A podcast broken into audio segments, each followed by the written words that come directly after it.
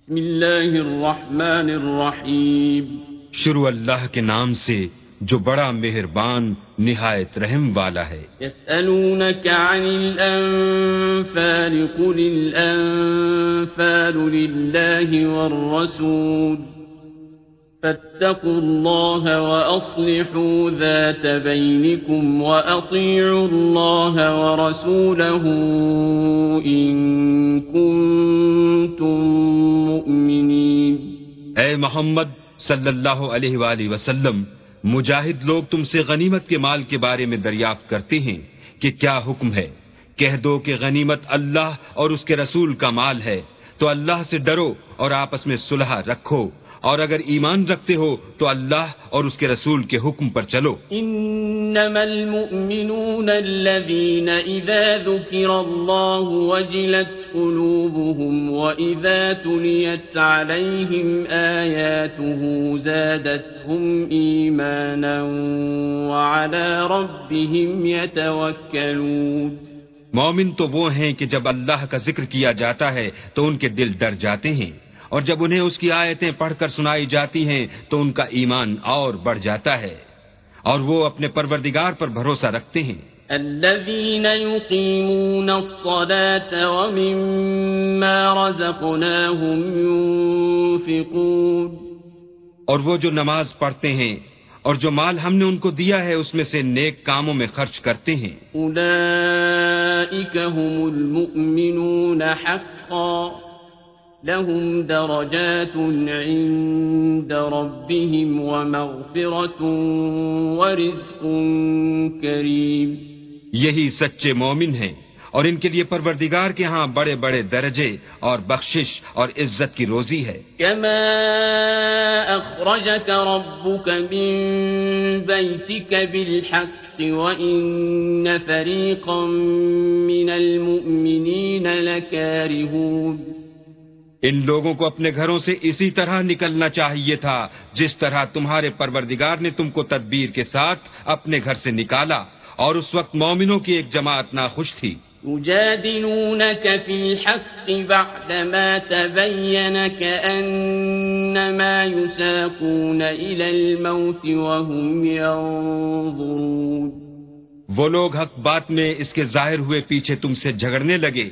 گویا موت کی طرف دھکیلے جاتے ہیں اور اسے دیکھ رہے ہیں۔ وَإِذْ يَعِدُكُمُ اللَّهُ إِحْدَى الطَّائِفَتَيْنِ أَنَّهَا لَكُمْ وَتَوَدُّونَ أَنَّ غَيْرَ ذَاتِ الشَّوْكَةِ تَكُونُ لَكُمْ وتودون أن غير ذات الشوكة تكون لكم ويريد الله أن يحق الحق بكلماته ويقطع دابر الكافرين. اور اس وقت کو یاد کرو، جب اللہ تم سے وعدہ کرتا تھا کہ ابو سفیان اور ابو جہل کے دو گروہوں میں سے ایک گروہ تمہارا مسخر ہو جائے گا، اور تم چاہتے تھے کہ جو قافلہ بے شان و شوکت یعنی بے ہتھیار ہے، وہ تمہارے ہاتھ آ جائے۔ اور اللہ چاہتا تھا کہ اپنے فرمان سے حق کو قائم رکھے اور کافروں کی جڑ کاٹ کر پھینک دے۔ ليحق الحق ويبطل الباطل ولو كره المجرمون تاکہ سچ کو سچ اور جھوٹ کو جھوٹ کر دے۔ گو مشرک ناخوش ہی ہوں۔ إذ تستغيثون ربكم فاستجاب لكم أني ممدكم بألف من الملائكة مردفين۔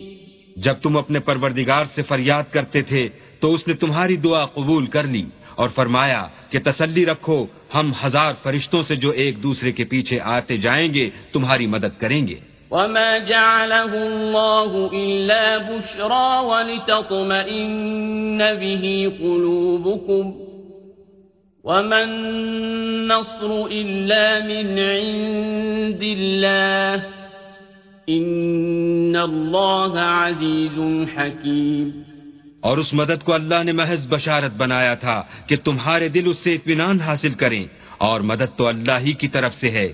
بے شک اللہ غالب حکمت والا ہے۔ إذ يغشيكم النعاس أمنة منه وينزل عليكم من السماء ماء ليطهركم به ويذهب عنكم رجز الشيطان وليربط على قلوبكم وليربط على قلوبكم ويثبت به الأقدام جب اس نے تمہاری تسکین کے لیے اپنی طرف سے تمہیں نیند کی چادر اڑا دی اور تم پر آسمان سے پانی برسا دیا تاکہ تم کو اس سے نہلا کر پاک کر دے اور شیطانی نجاست کو تم سے دور کر دے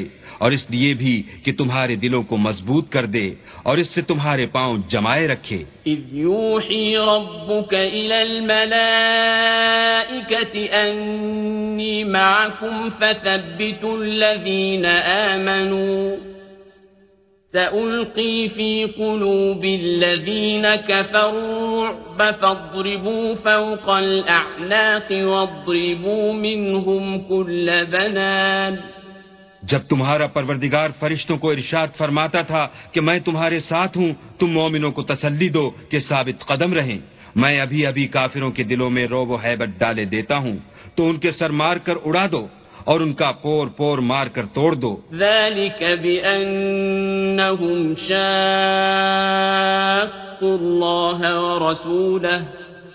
ومن يشاقق الله ورسوله فإن الله شديد العقاب یہ سزا اس لیے دی گئی کہ انہوں نے اللہ اور اس کے رسول کی مخالفت کی اور جو شخص اللہ اور اس کے رسول کی مخالفت کرتا ہے تو اللہ بھی سخت عذاب دینے والا ہے۔ ذلكم فذوقوه وأن للكافرين عذاب النار۔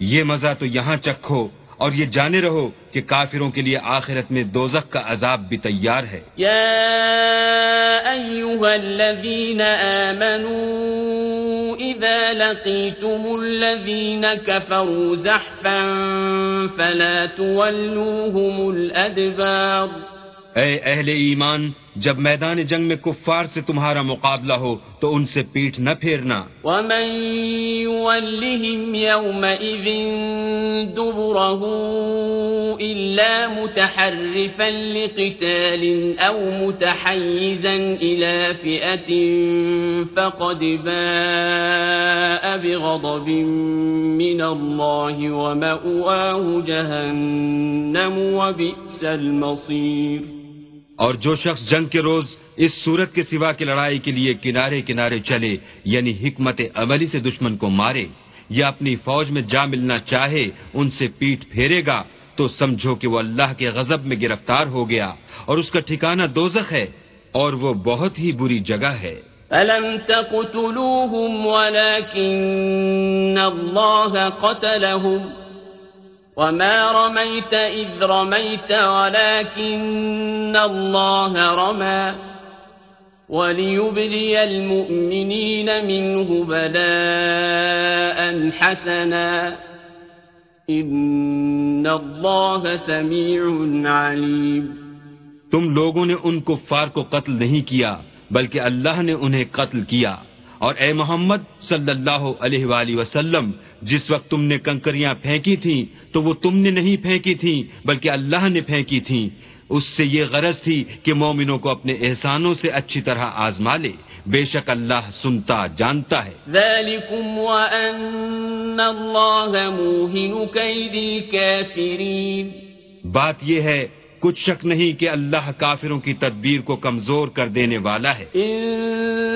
تستفتحوا فقد جاءكم الفتح وإن تنتهوا فهو خير لكم وإن تعودوا نعد ولن تغني عنكم فئتكم شيئا ولو كثرت وأن الله مع المؤمنين۔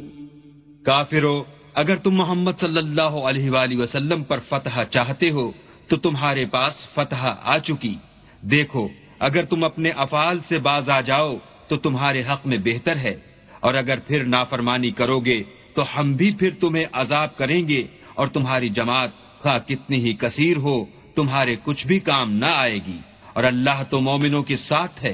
يا أيها الذين آمنوا أطيعوا الله ورسوله ولا تولوا عنه وأنتم تسمعون اے ایمان والو، اللہ اور اس کے رسول کے حکم پر چلو اور اس سے روگردانی نہ کرو اور تم سنتے ہو۔ ولا تكونوا كالذين قالوا سمعنا وهم لا يسمعون اور ان لوگوں جیسے نہ ہونا جو کہتے ہیں کہ ہم نے حکم خدا سن لیا مگر حقیقت میں نہیں سنتے۔ إن شر الدواب عند الله الصم البكم الذين لا يعقلون کچھ شک نہیں کہ اللہ کے نزدیک تمام جانداروں سے بدتر بہرے گونگے ہیں جو کچھ نہیں سمجھتے۔ ولو علم الله فيهم خيرا لأسمعهم ولو أسمعهم لتولوا وهم معرضون۔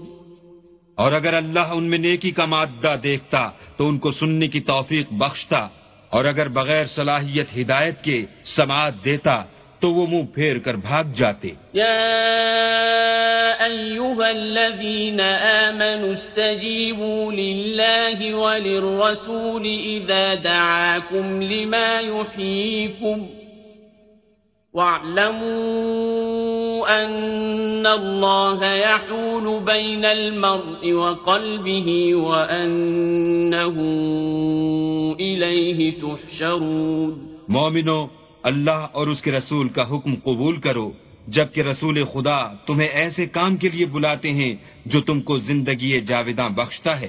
اور جان رکھو کہ اللہ آدمی اور اس کے دل کے درمیان حائل ہو جاتا ہے، اور یہ بھی کہ تم سب اس کے روبرو جمع کیے جاؤ گے۔ واتقوا فتنة لا تصيبن الذين ظلموا منكم خاصة واعلموا ان اللہ شدید العقاب۔ اور اس فتنے سے ڈرو جو خصوصیت کے ساتھ انہی لوگوں پر واقع نہ ہوگا جو تم میں گناہ گار ہیں۔ اور جان رکھو کہ اللہ سخت عذاب دینے والا ہے۔ واذكروا إذ أنتم قليل مستضعفون في الأرض تخافون أن يتخطفكم الناس فآواكم وأيدكم بنصره فآواكم وأيدكم بنصره ورزقكم من الطيبات لعلكم تشكرون. اور اس وقت کو یاد کرو، جب تم زمین مکہ میں قلیل اور ضعیف سمجھے جاتے تھے اور ڈرتے رہتے تھے کہ لوگ تمہیں اڑا نہ لے جائیں یعنی بے خانما نہ کر دیں، تو اس نے تم کو جگہ دی اور اپنی مدد سے تم کو تقویت بخشی اور پاکیزہ چیزیں کھانے کو دیں۔ تاکہ اس کا شکر کرو۔ يا أيها الذين آمنوا لا تخونوا الله والرسول وتخونوا أماناتكم وأنتم تعلمون۔ اے ایمان والو نہ تو اللہ اور رسول کی امانت میں خیانت کرو اور نہ اپنی امانتوں میں خیانت کرو اور تم ان باتوں کو جانتے ہو۔ واعلموا أنما أموالكم وأولادكم فتنة وأن الله عنده أجر عظيم۔ اور جان رکھو کہ تمہارا مال اور اولاد بڑی آزمائش ہے اور یہ کہ اللہ کے پاس نیکیوں کا بڑا ثواب ہے۔ يا أيها الذين آمنوا إن تتقوا الله يجعل لكم فرقانا ويكفر عنكم سيئاتكم ويغفر لكم والله ذو الفضل العظيم مومنو، اگر تم اللہ سے ڈرو گے تو وہ تمہارے لیے امر فارق پیدا کر دے گا یعنی تم کو ممتاز کر دے گا اور تمہارے گناہ مٹا دے گا اور تمہیں بخش دے گا۔ اور اللہ بڑے فضل والا ہے۔ وَإِذْ يَمْكُرُ بِكَ الَّذِينَ كَفَرُوا لِيُثْبِتُوكَ أَوْ يَقْتُلُوكَ أَوْ يُخْرِجُوكَ وَيَمْكُرُونَ وَيَمْكُرُ اللَّهُ وَاللَّهُ خَيْرُ الْمَاكِرِينَ۔ اور اے محمد صلی اللہ علیہ وآلہ وسلم اس وقت کو یاد کرو جب کافر لوگ تمہارے بارے میں چال چل رہے تھے کہ تم کو قید کر دیں یا جان سے مار دیں یا وطن سے نکال دیں۔ تو ادھر تو وہ چال چل رہے تھے اور ادھر اللہ چال چل رہا تھا اور اللہ سب سے بہتر چال چلنے والا ہے۔ وَإِذَا تُتْلَى عَلَيْهِمْ آيَاتُنَا قَالُوا قَدْ سَمِعْنَا لَوْ نَشَاءُ لَقُلْنَا مِثْلَ هَذَا قالوا قد سمعنا لو نشاء لقلنا مثل هذا إن هذا إلا أساطير الأولين. اور جب ان کو ہماری آیتیں پڑھ کر سنائی جاتی ہیں، تو کہتے ہیں، یہ کلام ہم نے سن لیا ہے۔ اگر ہم چاہیں تو اسی طرح کا کلام ہم بھی کہہ دیں۔ اور یہ ہے ہی کیا صرف اگلے لوگوں کی حکایتیں ہیں وَإِذْ قَالُوا اللَّهُمَّ إِن كَانَ هَذَا هُوَ الْحَقَّ مِنْ عِنْدِكَ فَأَمْطِرْ عَلَيْنَا حِجَارَةً مِنَ السَّمَاءِ أَوْ اِئْتِنَا بِعَذَابٍ أَلِيمٍ اور جب انہوں نے کہا کہ اے اللہ اگر یہ قرآن تیری طرف سے برحق ہے تو ہم پر آسمان سے پتھر برسا یا کوئی اور تکلیف دینے والا عذاب بھیج۔ وما كان الله ليعذبهم وأنت فيهم وما كان الله معذبهم وهم يستغفرون۔ اور اللہ ایسا نہ تھا کہ جب تک تم ان میں سے تھے انہیں عذاب دیتا اور نہ ایسا تھا کہ وہ بخشش مانگیں اور انہیں عذاب دے وما لهم ألا يعذبهم الله وهم يصدون عن المسجد الحرام وما كانوا أولياءه إن أولياؤه إلا المتقون ولكن أكثرهم لا يعلمون اور اب ان کے لیے کون سی وجہ ہے کہ وہ انہیں عذاب نہ دے، جبکہ وہ مسجد محترم میں نماز پڑھنے سے روکتے ہیں۔ اور وہ اس مسجد کے متولی بھی نہیں ہیں۔ اس کے متولی تو صرف پرہیزگار ہیں، لیکن ان میں کے اکثر نہیں جانتے۔ وما كان صلاتهم عند البيت إلا مكاء وتصديه فذوقوا العذاب بما كنتم تكفرون۔ اور ان لوگوں کی نماز خانہ کعبہ کے پاس سیٹیاں اور تالیاں بجانے کے سوا کچھ نہ تھی۔ تو تم جو کفر کرتے تھے اب اس کے بدلے عذاب کا مزہ چکھو۔ ان الذين كفروا ينفقون اموالهم ليصدوا عن سبيل الله فسينفقونها ثم تكون عليهم حسرة ثم يغلبون. والذين كفروا إلى جهنم يحشرون. جو لوگ کافر ہیں، اپنا مال خرچ کرتے ہیں کہ لوگوں کو اللہ کے رستے سے روکیں، سو ابھی اور خرچ کریں گے، مگر آخر وہ خرچ کرنا ان کے لیے موجب افسوس ہوگا۔ اور وہ مغلوب ہو جائیں گے اور کافر لوگ دوزک کی طرف ہانکے جائیں گے۔ ليميز الله الخبيث من الطيب ويجعل الخبيث بعضه على بعض فيركمه جميعا فيجعله في جهنم أولئك هم الخاسرون تاکہ اللہ پاک سے ناپاک کو الگ کر دے اور ناپاک کو ایک دوسرے پر رکھ کر ایک ڈھیر بنا دے۔ پھر اس کو دوزخ میں ڈال دے۔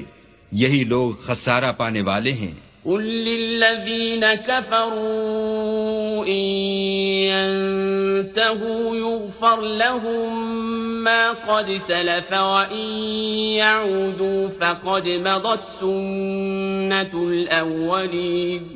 اے پیغمبر کفار سے کہہ دو کہ اگر وہ اپنے افعال سے باز آ جائیں، تو جو ہو چکا وہ انہیں معاف کر دیا جائے گا۔ اور اگر پھر وہی حرکات کرنے لگیں گے، تو اگلے لوگوں کا جو طریق جاری ہو چکا ہے، وہی ان کے حق میں بڑھتا جائے گا۔ وقاتلوهم حتى لا تكون فتنة ويكون الدين كله لله فإن انتهوا فإن الله بما يعملون بصير اور ان لوگوں سے لڑتے رہو یہاں تک کہ فتنہ یعنی کفر کا فساد باقی نہ رہے اور دین سب اللہ ہی کا ہو جائے۔ اور اگر باز آ جائیں تو اللہ ان کے کاموں کو دیکھ رہا ہے۔ وَإِن تَوَلَّوْا فَاعْلَمُوا أَنَّ اللَّهَ مَوْلَاكُمْ نِعْمَ الْمَوْلَى وَنِعْمَ النَّصِيرُ. اور اگر روح گردانی کریں تو جان رکھو کہ اللہ تمہارا حمایتی ہے اور وہ خوب حمایتی اور خوب مددگار ہے۔ واعلموا أنما غنمتم من شيء فأن لله خمسه وللرسول ولذي القربى واليتامى والمساكين وابن السبيل والمساكين وابن السبيل إن كنتم آمنتم بالله وما أنزلنا على عبدنا يوم الفرقان يوم التقى الجمعان والله على كل شيء قدير اور جان رکھو کہ جو چیز تم کفار سے لوٹ کر لاؤ، اس میں سے پانچواں حصہ اللہ کا اور اس کے رسول کا، اور اہل قرابت کا، اور یتیموں کا، اور محتاجوں کا، اور مسافروں کا ہے۔ اگر تم اللہ پر اور اس نصرت پر ایمان رکھتے ہو جو حق و باطل میں فرق کرنے کے دن یعنی جنگ بدر میں، جس دن دونوں فوجوں میں مٹھ بھیڑ ہو گئی، اپنے بندے محمد صلی اللہ علیہ وآلہ وسلم پر نازل فرمائی اور اللہ ہر چیز پر قادر ہے۔ بالعدوة الدنيا وهم بالعدوة القصوى والركب أسفل منكم ولو تواعدتم لاختلفتم في الميعاد ولكن ليقضي الله أمرا كان مفعولا ليهلك من هلك عن بينة ليهلك من هلك عن بينة ويحيى من حي عن بينة. وإن الله لسميع عليم جس وقت تم مدینے سے قریب کے ناکے پر تھے اور کافر بعید کے ناکے پر اور قافلہ تم سے نیچے اتر گیا تھا، اور اگر تم جنگ کے لیے آپس میں قرارداد کر لیتے تو وقت معین پر جمع ہونے میں تقدیم و تاخیر ہو جاتی۔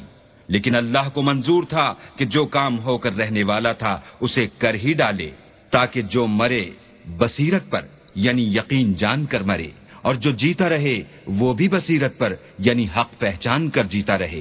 اور کچھ شک نہیں کہ اللہ سنتا، جانتا ہے۔ اذ يريكهم الله في منامك قليلا ولو اراكهم كثيرا لفشلتم ولتنازعتم في الامر ولكن الله سلم۔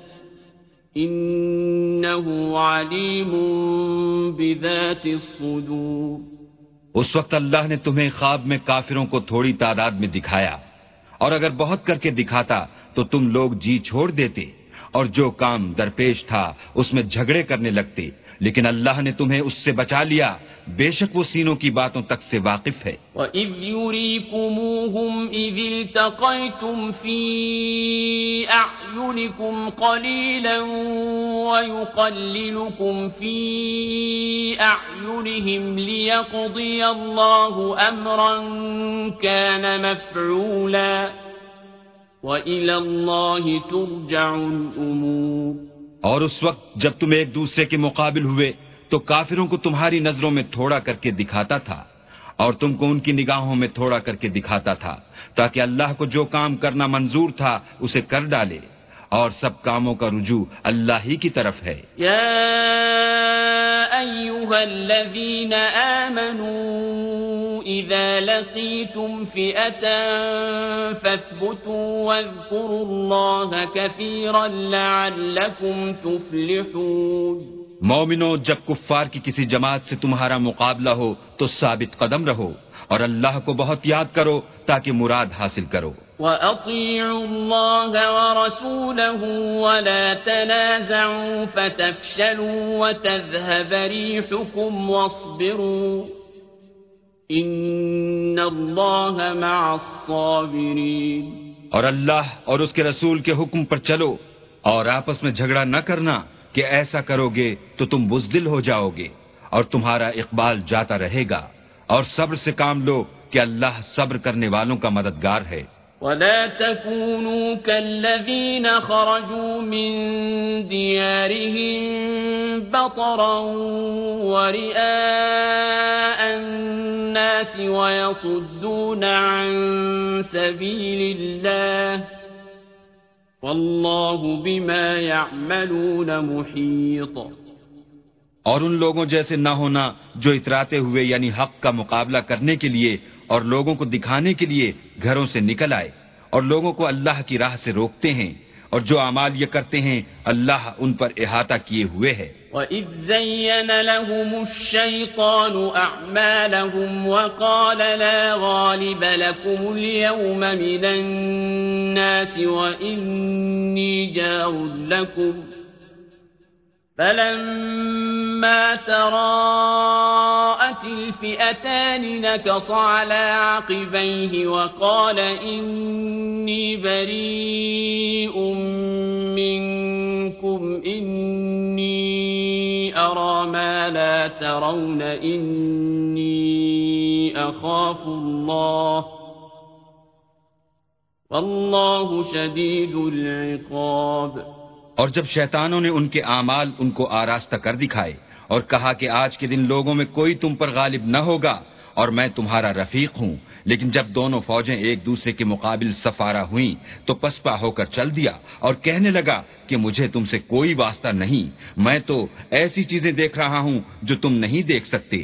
مجھے تو اللہ سے ڈر لگتا ہے اور اللہ سخت عذاب کرنے والا ہے۔ إذ يقول المنافقون والذين في قلوبهم مرض غر هؤلاء دينهم ومن يتوكل على الله فإن الله عزيز حكيم اس وقت منافق اور کافر جن کے دلوں میں مرض تھا، کہتے تھے کہ ان لوگوں کو ان کے دین نے مغرور کر رکھا ہے۔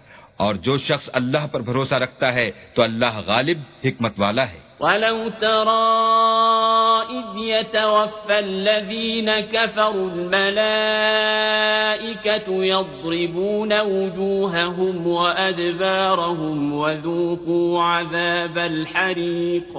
اور کاش تم اس وقت کی کیفیت دیکھو جب فرشتے کافروں کی جانیں نکالتے ہیں ان کے منہوں اور پیٹھوں پر کوڑے اور ہتھوڑے وغیرہ مارتے ہیں۔ اور کہتے ہیں کہ اب عذاب آتش کا مزہ چکھو۔ ذلك بما قدمت ایدیکم وان اللہ لیس بظلام للعبید یہ ان عمال کی سزا ہے جو تمہارے ہاتھوں نے آگے بھیجے ہیں۔ اور یہ جان رکھو کہ اللہ بندوں پر ظلم نہیں کرتا۔ آل فرعون والذین من قبلهم كفروا بآيات الله فأخذهم الله بذنوبهم. إن الله قوي شديد العقاب. جیسا حال فرونیوں اور ان سے پہلے لوگوں کا ہوا تھا، ویسا ہی ان کا ہوا کہ انہوں نے اللہ کی آیتوں سے کفر کیا تو اللہ نے ان کے گناہوں کی سزا میں ان کو پکڑ لیا۔ بے شک اللہ زبردست اور سخت عذاب دینے والا ہے۔ ذلك بأن الله لم يك مغيرا نعمة أنعمها على قوم حتى يغيروا ما بأنفسهم وأن الله سميع عليم. یہ اس لیے کہ جو نعمت اللہ کسی قوم کو دیا کرتا ہے، جب تک وہ خود اپنے دلوں کی حالت نہ بدل ڈالیں، اللہ اسے نہیں بدلا کرتا۔ اور اس لیے کہ اللہ سنتا، جانتا ہے۔ آل فرعون من قبلهم كذبوا بآيات ربهم فأهلكناهم بذنوبهم وأغرقنا آل فرعون۔ وكل كانوا ظالمين۔ جیسا حال فرونیوں اور ان سے پہلے لوگوں کا ہوا تھا ویسا ہی ان کا ہوا۔ انہوں نے اپنے پروردگار کی آیتوں کو جھٹلایا تو ہم نے ان کو ان کے گناہوں کے سبب ہلاک کر ڈالا اور فرونیوں کو ڈبو دیا اور وہ سب ظالم تھے۔ إن شر الدواب عند الله الذين كفروا فهم لا يؤمنون۔ جانداروں میں سب سے بدتر اللہ کے نزدیک وہ لوگ ہیں جو کافر ہیں سو وہ ایمان نہیں لاتے۔ الذين عاهدت منهم ثم ينقضون عهدهم في كل مرة وهم لا يتقون۔ جن لوگوں سے تم نے صلح کا عہد کیا ہے پھر وہ ہر بار اپنے عہد کو توڑ ڈالتے ہیں اور اللہ سے نہیں ڈرتے۔ فإما تثقفنهم في الحرب فشرد بهم من خلفهم لعلهم يذكرون اگر تم ان کو لڑائی میں پاؤ تو انہیں ایسی سزا دو کہ جو لوگ ان کے پسے پوشت ہوں وہ ان کو دیکھ کر بھاگ جائیں۔ عجب نہیں کہ ان کو اس سے عبرت ہو۔ وَإِمَّا تَخَافَنَّ مِن قَوْمٍ خِيَانَةً فَانبِذْ إِلَيْهِمْ عَلَى سَوَاءٍ إِنَّ اللَّهَ لَا يُحِبُّ الْخَائِنِينَ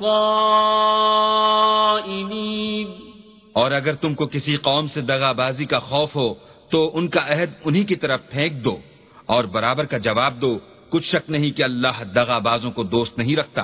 ولا يحسبن الذين كفروا سبقوا إنهم لا يعجزون۔ اور کافر یہ نہ خیال کریں کہ وہ بھاگ نکلے ہیں۔ وہ اپنی چالوں سے ہم کو ہرگز عاجز نہیں کر سکتے۔ وأعدوا لهم ما استطعتم من قوة ومن رباط الخيل ترهبون به عدو الله وعدوكم وآخرين من دونهم لا تعلمونهم الله يعلمهم وما تنفقوا من شيء في سبيل الله يوفى إليكم وأنتم لا تظلمون اور جہاں تک ہو سکے، فوج کی جمعیت کے زور سے اور گھوڑوں کے تیار رکھنے سے ان کے مقابلے کے لیے مستعد رہو کہ اس سے اللہ کے دشمنوں اور تمہارے دشمنوں اور ان کے سوا اور لوگوں پر جن کو تم نہیں جانتے اور اللہ جانتا ہے حیبت بیٹھی رہے گی اور تم جو کچھ راہ اللہ میں خرچ کرو گے اس کا ثواب تم کو پورا پورا دیا جائے گا اور تمہارا ذرا نقصان نہ کیا جائے گا۔ وَإِن جَنَحُوا لِلسَّلْمِ فَاجْنَحْ لَهَا وَتَوَكَّلْ عَلَى اللَّهِ إِنَّهُ هُوَ السَّمِيعُ الْعَلِيمُ۔ اور اگر یہ لوگ صلح کی طرف مائل ہوں تو تم بھی اس کی طرف مائل ہو جاؤ اور اللہ پر بھروسہ رکھو۔ کچھ شک نہیں کہ وہ سب کچھ سنتا اور جانتا ہے۔ وَإِن يُرِيدُوا أَن يَخْدَعُوكَ فَإِنَّ حَسْبَكَ اللَّهُ هُوَ الَّذِي أَيَّدَكَ بِنَصْرِهِ وَبِالْمُؤْمِنِينَ۔ اور اگر یہ چاہیں کہ تم کو فریب دیں تو اللہ تمہیں کفایت کرے گا۔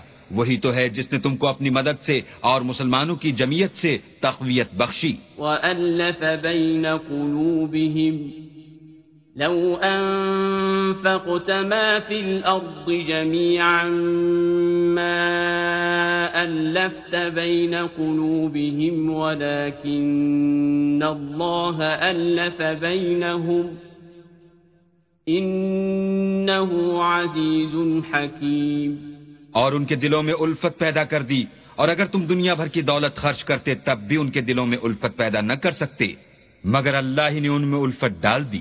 بے شک وہ زبردست اور حکمت والا ہے۔ يا أيها النبي حسبك الله ومن اتبعك من المؤمنين اے نبی اللہ تم کو اور مومنوں کو جو تمہارے پیروں ہیں کافی ہے۔ يا أيها النبي حرض المؤمنين على القتال إن يكن منكم عشرون صابرون يغلبوا مئتين وإن يكن منكم مئة يغلبوا ألفا من الذين كفروا بأنهم قوم لا يفقهون اے نبی، مسلمانوں کو جہاد کی ترغیب دو۔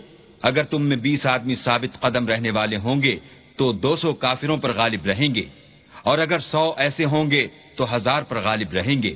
اس لیے کہ کافر ایسے لوگ ہیں کہ کچھ بھی سمجھ نہیں رکھتے۔ الآن خفف الله عنكم وعلم أن فيكم ضعفا فإن يكن منكم مئة صابرة يغلبوا مئتين وإن يكن منكم ألف يغلبوا ألفين بإذن الله. والله مع الصابرين. اب اللہ نے تم پر سے بوجھ ہلکا کر دیا اور معلوم کر لیا کہ ابھی تم میں کسی قدر کمزوری ہے۔ بس اگر تم میں ایک سو ثابت قدم رہنے والے ہوں گے، تو دو سو پر غالب رہیں گے اور اگر ایک ہزار ہوں گے، تو اللہ کے حکم سے دو ہزار پر غالب رہیں گے۔ اور اللہ ثابت قدم رہنے والوں کا مددگار ہے۔ ما كان لنبي أن يكون له أسرى حتى يثخن في الأرض تريدون عرض الدنيا والله يريد الآخرة والله عزيز حكيم۔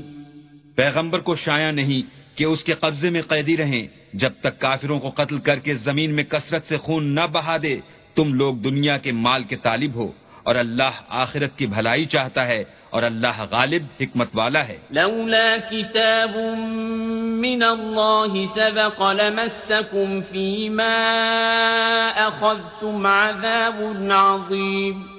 اگر اللہ کا حکم پہلے نہ ہو چکا ہوتا تو جو فدیہ تم نے لیا ہے۔ اس کے بدلے تم پر بڑا عذاب نازل ہوتا۔ فكلوا مما غنمتم حلالا طيبا واتقوا الله إن الله غفور رحيم۔ جو مال غنیمت تمہیں ملا ہے اسے کھاؤ کہ وہ تمہارے لیے حلال طیب ہے اور اللہ سے ڈرتے رہو بے شک اللہ بخشنے والا مہربان ہے۔ يا أيها النبي قل لمن في أيديكم من الأسرى إن يعلم الله في قلوبكم خيرا يؤتكم خيرا مما أخذ منكم إن يعلم الله في قلوبكم خيرا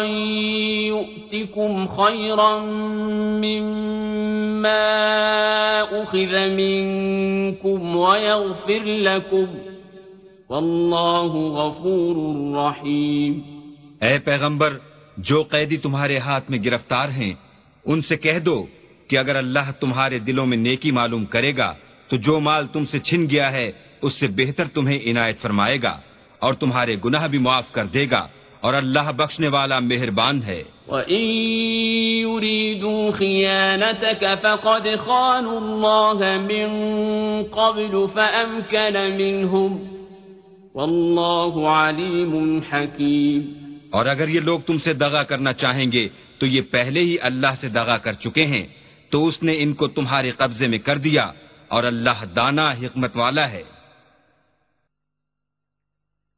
إن الذين آمنوا وهاجروا وجاهدوا بأموالهم وأنفسهم في سبيل الله والذين آووا ونصروا أولئك بعضهم أولياء بعض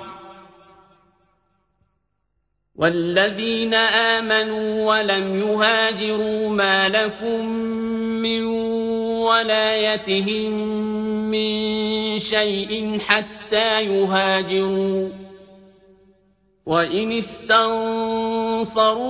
في الدين فعليكم النصر إلا على قوم بينكم وبينهم ميثاق. واللہ بما تعملون بصیر جو لوگ ایمان لائے اور وطن سے ہجرت کر گئے اور اللہ کی راہ میں اپنے مال اور جان سے لڑے، وہ اور جنہوں نے ہجرت کرنے والوں کو جگہ دی اور ان کی مدد کی، وہ آپس میں ایک دوسرے کے رفیق ہیں۔ اور جو لوگ ایمان تو لے آئے لیکن ہجرت نہیں کی، تو جب تک وہ ہجرت نہ کریں، تم کو ان کی رفاقت سے کچھ سروکار نہیں۔ اور اگر وہ تم سے دین کے معاملات میں مدد طلب کریں، تو تم کو مدد کرنی لازم ہے۔ مگر ان لوگوں کے مقابلے میں کہ تم میں اور ان میں صلح کا عہد ہو مدد نہیں کرنی چاہیے۔ اور اللہ تمہارے سب کاموں کو دیکھ رہا ہے۔ والذین كفروا بعضهم اولیاء بعض إلا تفعلوه تكون فتنة في الأرض وفساد كبير اور جو لوگ کافر ہیں وہ بھی ایک دوسرے کے رفیق ہیں۔ تو مومنو، اگر تم یہ کام نہ کرو گے، تو ملک میں فتنہ برپا ہو جائے گا اور بڑا فساد مچے گا۔ والذین آمنوا وهاجروا وجاهدوا في سبيل الله والذين آووا ونصروا أولئك هم المؤمنون حقا۔ لهم مغفرة ورزق كريم اور جو لوگ ایمان لائے اور وطن سے ہجرت کر گئے اور اللہ کی راہ میں لڑائیاں کرتے رہے اور جنہوں نے ہجرت کرنے والوں کو جگہ دی اور ان کی مدد کی، یہی لوگ سچے مسلمان ہیں۔ ان کے لیے اللہ کے ہاں بخشش اور عزت کی روزی ہے۔ والذین آمنوا من بعد وهاجروا وجاهدوا معكم فأولئك منكم وَأُولُو الْأَرْحَامِ بَعْضُهُمْ أَوْلَى بِبَعْضٍ فِي كِتَابِ اللَّهِ إِنَّ اللَّهَ بِكُلِّ شَيْءٍ عَلِيمٌ اور جو لوگ بعد میں ایمان لائے اور وطن سے ہجرت کر گئے اور تمہارے ساتھ ہو کر جہاد کرتے رہے، وہ بھی تمہیں میں سے ہیں۔ اور رشتہ دار اللہ کے حکم کی روح سے ایک دوسرے کے زیادہ حقدار ہیں۔ کچھ شک نہیں کہ اللہ ہر چیز سے واقف ہے۔